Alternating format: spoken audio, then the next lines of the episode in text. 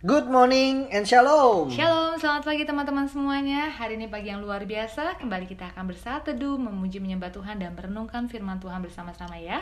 Pagi hari ini kita akan mulai memuji menyembah Tuhan dan kita akan dilayani oleh Ci Evi dan Ko Iwan. Thank you so much Ko Iwan dan Ci Evi. God bless you ya.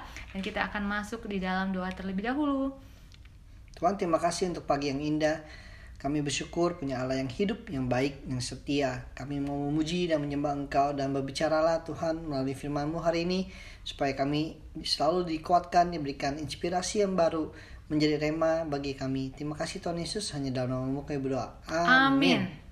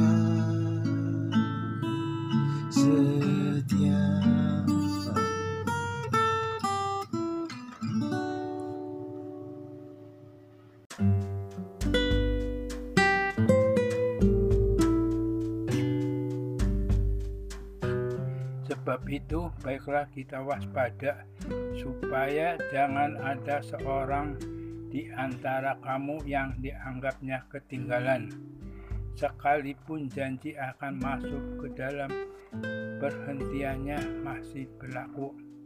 Karena kepada kita diberitakan juga kabar kesukaan, ya kesukaan sama seperti kepada mereka tetapi firman pemberhentian itu tidak berguna bagi mereka karena tidak bertang, bertumbuh bersama-sama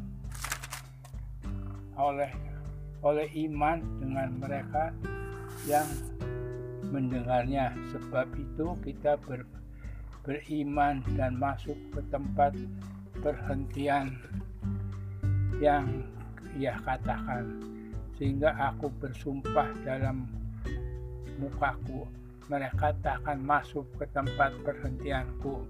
Sekalipun pekerjaannya sudah selesai sejak dunia dijadikan sebab tentang hari ketujuh pernah dikatakan di dalam suatu nas dan Allah berhenti pada suatu pada hari ketujuh dari segala pekerjaannya dan dalam nas itu kita baca mereka takkan masuk ke tempat perhentianku jadi sudah jelas bahwa ada sejumlah orang akan masuk ke tempat perhentian itu sedang mereka yang kepadanya lebih dahulu diper, diberitakan kabar kesukaan itu tidak masuk karena ketidaktaatan mereka.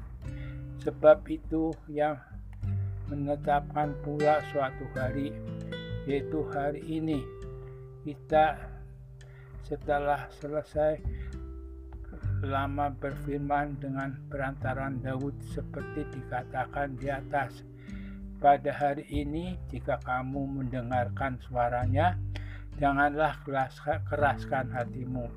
Sebab andai kata Yosua telah membawa mereka masuk ke tempat perhentian pasti Allah tidak akan berkata kata kemudian tentang suatu hari lain. Jadi masih tersedia suatu hari perhentian hari ketujuh bagi umat Allah. Sebab barang siapa telah masuk ke tempat perhentiannya ia sendiri telah berhenti dari segala pekerjaannya sama seperti Allah berhenti dari pekerjaannya karena itu baiklah kita berusaha untuk masuk ke dalam perhentiannya itu supaya jangan seorang pun jatuh karena mengikuti contoh ketidaktaatan contoh ketidaktaatan itu juga. Sebab firman Allah hidup dan kuat lebih tajam daripada pedang bermata dua mana pun.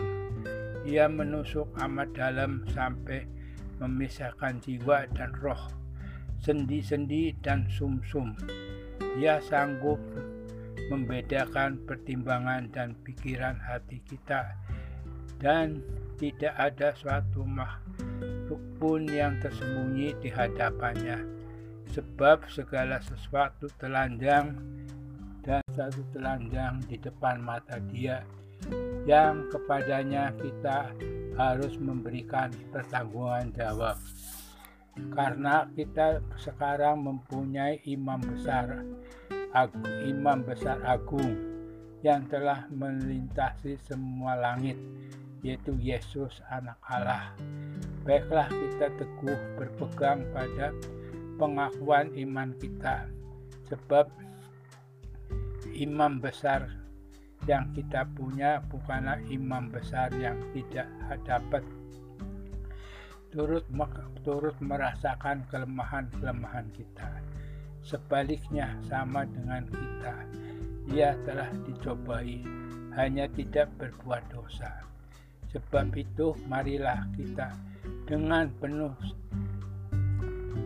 keberanian menghampiri tata menghampiri tata kasih supaya kita menerima rahmat dan menemukan kasih karunia untuk mendapat pertolongan kita pada waktunya. Amin. Shalom, Pak Ahok. Pak Ahok, thank you banget ya udah bersedia melayani bersama-sama kita pagi hari ini untuk membacakan firman Tuhan di Ibrani 4. God bless you. God bless you.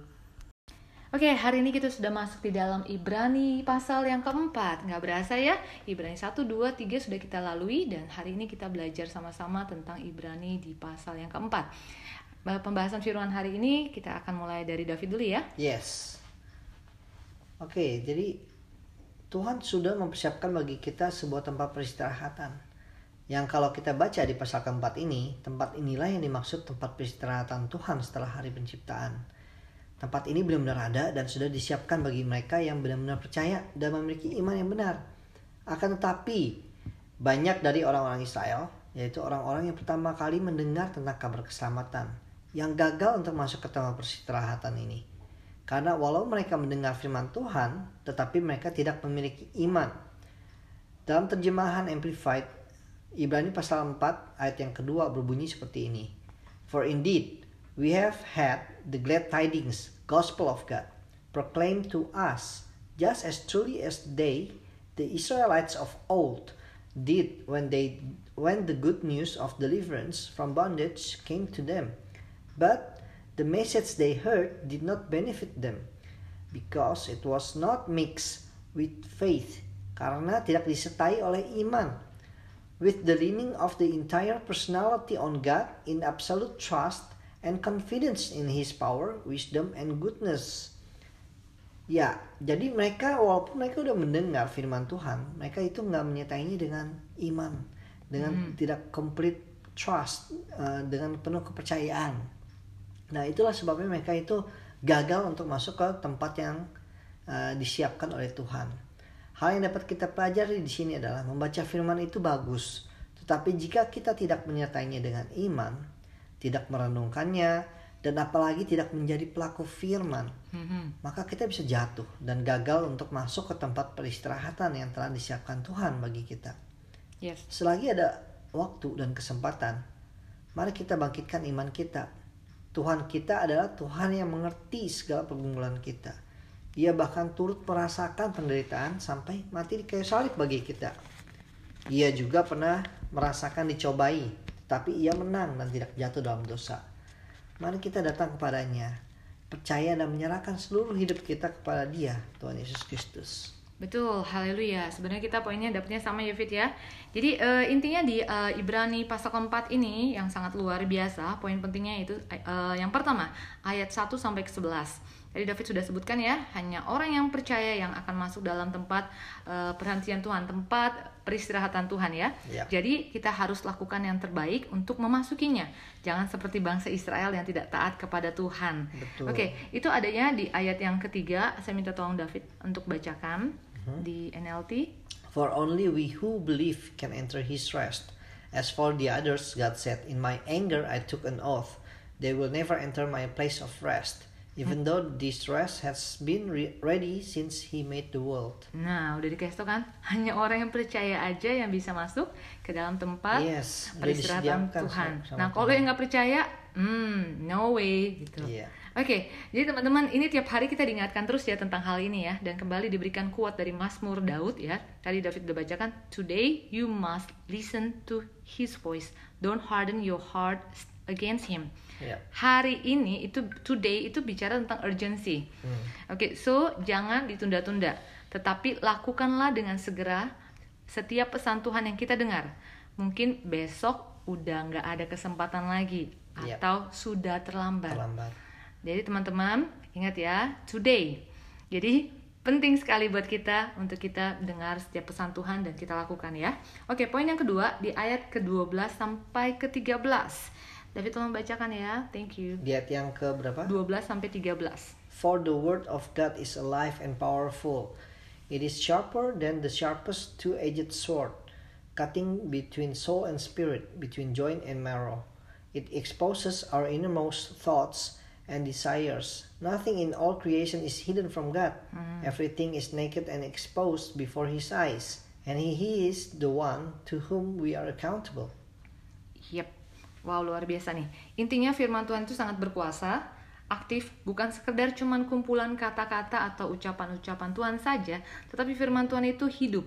Ya. Ya, dinamis. Amin. Nah, tadi saya sebutkan aktif, berkuasa untuk merubah hidup, changes life, membongkar atau menelanjangi segala perbuatan kita, entah itu yang baik atau yang buruk. Yeah. God knows everyone everywhere and everything. Jadi tidak ada yang bisa sembunyi alias ngumpet daripada Tuhan. Yeah. Jadi kalau kita Tuh. main tak umpet gitu Fit ya, biasanya kita seru ya. Yeah.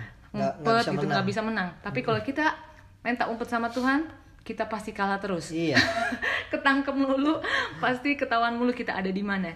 Oke, teman-teman, jadi semuanya itu bakal ke expose dan segala perbuatan yang kita lakukan selama kita hidup, entah itu yang tadi saya sudah sebutkan baik atau buruk, kita harus memberi pertanggungjawaban jawab kepadanya pada saat nanti Tuhan um, memanggil kita ya. Iya. Oke, okay. so uh, berikutnya poin yang ketiga ayat ke-14 sampai yang ke-16. Nah, ini nanti David tolong bacakan juga di terjemahan bahasa Inggrisnya. Ayat yang ke-14 sampai 16 ya. Betul. So then, since we have a great high priest who has entered heaven, Jesus the Son of God, let us hold firmly to what we believe. This high priest of ours understands our weaknesses, for he faced all the same testings we do, yet he did not sin. So let us come boldly to the throne of our gracious God. There we will receive his mercy, and we will find grace to help us. Haleluya. Wow, luar biasa. Thank you yang. Tuhan Yesus adalah imam besar kita yang mengerti segala kelemahan kita, segala cobaan yang kita hadapi. Karena ketika Yesus datang ke dunia, dia menjadi manusia dan turut merasakan apa yang kita alami. Namun dia tidak berdosa. Itu poin pentingnya. Namun dia tidak berdosa. Oleh karena itu dikatakan tadi kan, let us hold firmly to what we believe. Kita harus terus pegang kuat apa yang kita percaya sehingga kita berani menghadap tatah kasih karunia-Nya dan menerima belas kasih-Nya dan menemukan kasih karunia untuk menolong kita ketika kita membutuhkan. Nah, teman-teman, kalau kita sudah mengerti tentang hal ini semua, kita pasti yakin bahwa hidup kita itu ada di dalam tangannya Tuhan. God is in control. Jadi segala masalah dan pergumulan memang boleh ada di depan kita, boleh ada datang kepada kita, tetapi kita tahu bahwa Tuhan Yesus, Allah yang kita sembah, jauh lebih besar dari segala masalah yang kita hadapi. Dan kita percaya bahwa kita pasti akan keluar lebih dari Amin. pemenang. Haleluya. Oke teman-teman, semangat semuanya. Uh, sekian hari ini, sampai jumpa besok ya. God, God bless bless you. you.